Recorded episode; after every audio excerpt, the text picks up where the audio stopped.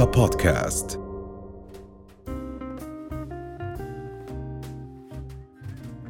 أهلا وسهلا فيكم من جديد. معنا رند الديسي أخصائية التغذية والحديث عن الأطعمة المناسبة للأطفال مرضى السكري. أهلا وسهلا فيك رند. صباح الورد. هيثم كيفك؟ بخير وأنت؟ تمام الحمد لله.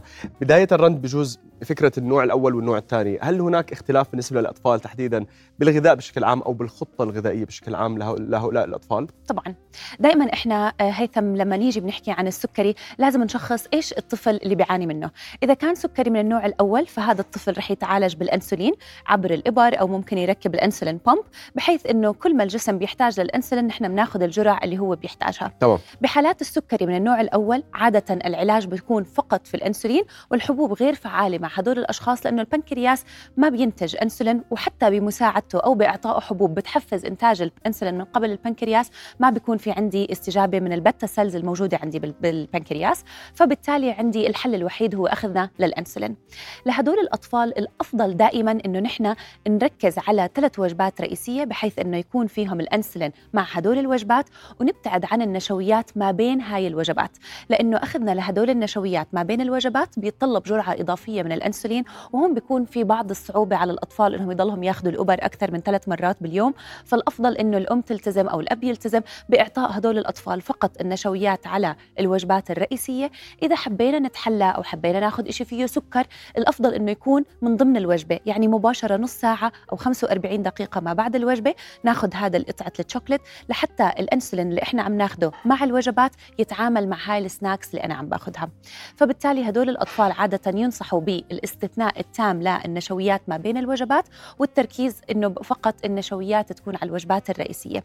إذا حبينا ناخذ snacks فممكن تكون snacks خالية من السكر اللي إحنا هلأ رح نحكي عنهم وهو بيختلف عن السكري من النوع الثاني. نعم. طيب لما نحكي عن ال عن ال السكري النوع الأول هلأ الفكرة هي بس السكريات ولا النشويات كمان؟ دائما كل شيء بالنهاية بتحول لسكر هو بيأثر على مستويات السكر بالدم. نعم. يعني مش بالضرورة إذا أنا عم باخذ خبز أسمر إنه أنا أقول ما هذا خبز أسمر ما رح يصير سكر. كل أنواع النشويات بجميعها والسكريات بالنهاية بتتحول بالجسم إلى جلوكوز يعني شو ما كان نوع السكر إن كان سكر الفواكه فركتوز أو إن كان السكروز أو إن كان اللاكتوز سكر الحليب بالنهاية الجسم بي- بيهضمهم وبيحولهم جميعا إلى جلوكوز نعم. الفترة اللي الجسم بيتطلبها لتحويل هاي النشويات إلى سكريات بتعتمد على نوعية النشويات.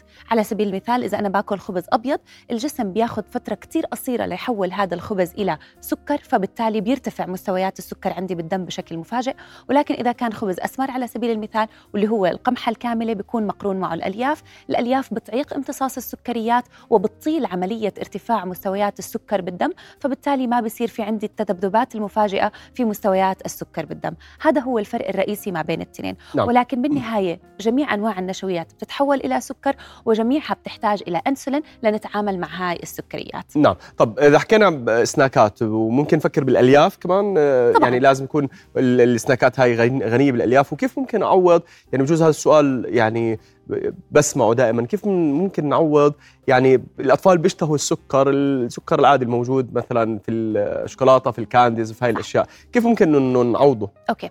عادة للأطفال اللي بيعانوا من السكري من النوع الأول الأفضل دائما إنه نحن نعود الطفل على سناك واحد باليوم يكون فيه سكر. مم. هذا السناك بدنا ناخده مباشرة ما بعد الغداء أو مباشرة ما بعد وجبة الفطور لحتى جرعة الأنسولين إبر الأنسولين اللي أنا عم باخدها على الفطور أو على الغداء تتعامل مع هاي الحلويات نعم. فبالتالي أنا بعود الطفل. على فكرة كل الأطفال لازم تتعود على سناك واحد باليوم. نعم. بغض النظر إذا هو مريض سكر أو مش مريض سكر. آه، سناك عم نحكي هو ال snack ال chocolate الزيادة. الحلويات ال candy. آه، إيش ما هو بيشتهي هذا طب الطفل؟ زي إيش؟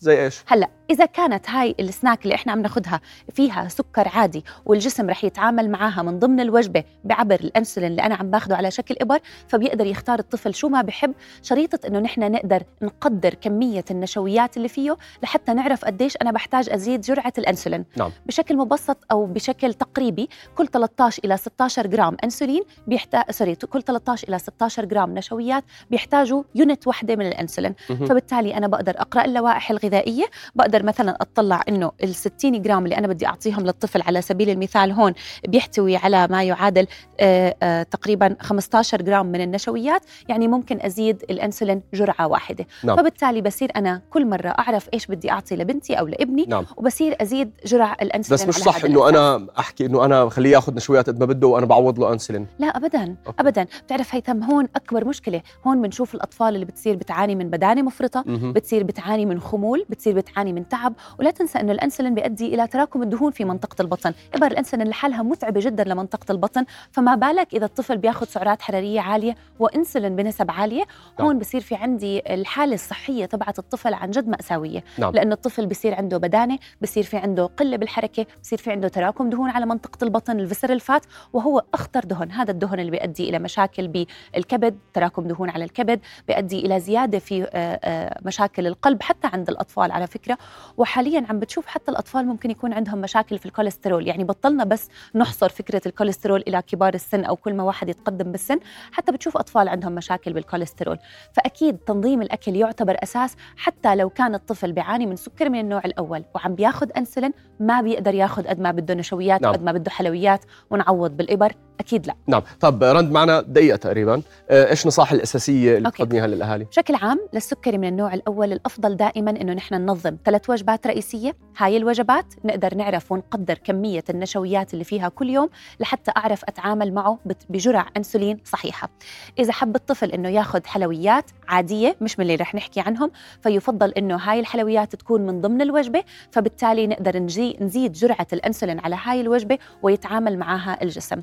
الأفضل السكريات تكون على الفطور والغداء لحتى ما تؤدي إلى هبوط مفاجئ في مستويات السكر بالدم خلال ساعات الليل. إذا أخذت السناك اللي فيه سكر بالليل ورفعت جرعة الأنسولين ممكن يؤدي إلى هبوط خلال ساعات النوم. ودائما التركيز على السناكس اللي ما بين الوجبات تكون قليلة أو خالية بالنشويات وقرنها دمجها مع القرفة أو حبوب القرفة لننظم مستوى السكر. نعم. وطبعا تشمل هاي تحكي لنا أمثلة على السناكات؟ بالضبط مثلاً؟ البشار يعتبر قليل جدا بالسعرات الحرارية وكمان بالنشويات ممكن ناخذه للأطفال. ممكن نعطيهم المكسرات تعتبر بديل جيد. في عندي أنواع من الشوكليت خالية من السكر بتعتبر بديل جيد. ممكن إنه نحن نعمل لأطفالنا اللبن مع آه، بذور الشيا ونحط عليه الفواكه اللي هي مسموحة من قبل الأطفال اللي بيعانوا من السكر آه، هو عبارة فقط عن لبن بذور الشيا الفراولة والأناناس اللي يعتبروا كلهم قليلين بالسكر. ممكن نعطي الطفل شراب اللبن. أو الشنينة أنا بفضل شراب اللبن لأنه أقل فيه مستوى الملح ولكن كمان الشنينة تعتبر مصدر جيد وبيقدروا ياخذوه على شكل سناكات خلال اليوم بدون إضافة مستويات أو جرعة أكبر من الأنسولين. نعم جميل جدا. الله يعطيك ألف عافية شكراً رند لك. شكرا. الله. معلومات كثير مهمة. شكرا جزيلا. رؤيا بودكاست